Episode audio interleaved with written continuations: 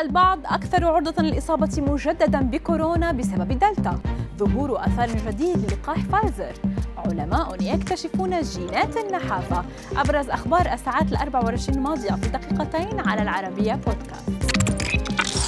وجدت دراسة حديثة أن الأشخاص الذين أصيبوا سابقا بكوفيد 19 هم الآن أكثر عرضة للإصابة مرة أخرى بسبب متغير دلتا.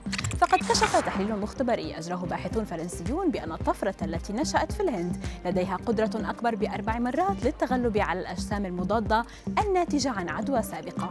وأوضحت الدراسة أن جرعة واحدة من لقاحي فايزر وأسترازينيكا توفر حماية بنسبة 10% فقط ضد متغير دلتا.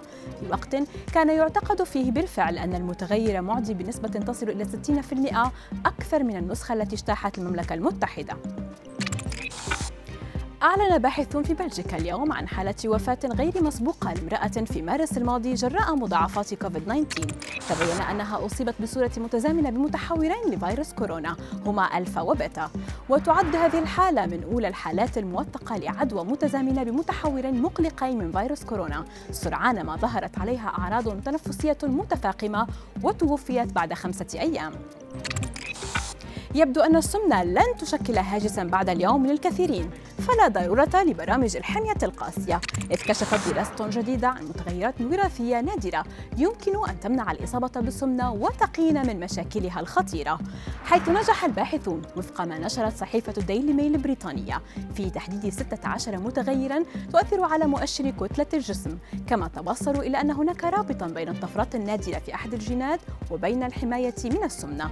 اكتشاف هذه القوى الجينية الخارقة الوقائية. يعطي الأمل في مكافحة التحديات الصحية العالمية المعقدة والمنتشرة مثل السمنة.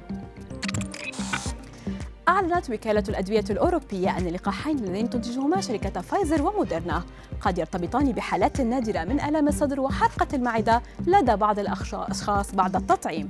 وأوصت هيئة تنظيم الأدوية في الاتحاد الأوروبي بإدراج حرقة المعدة والتهاب غشاء التامور كأثار جانبية على ملصقات اللقاح فيما أكد مسؤولو الصحة أن فوائد اللقاحات المضادة لفيروس كورونا تفوق بكثير المخاطر الصغيرة للآثار الجانبية.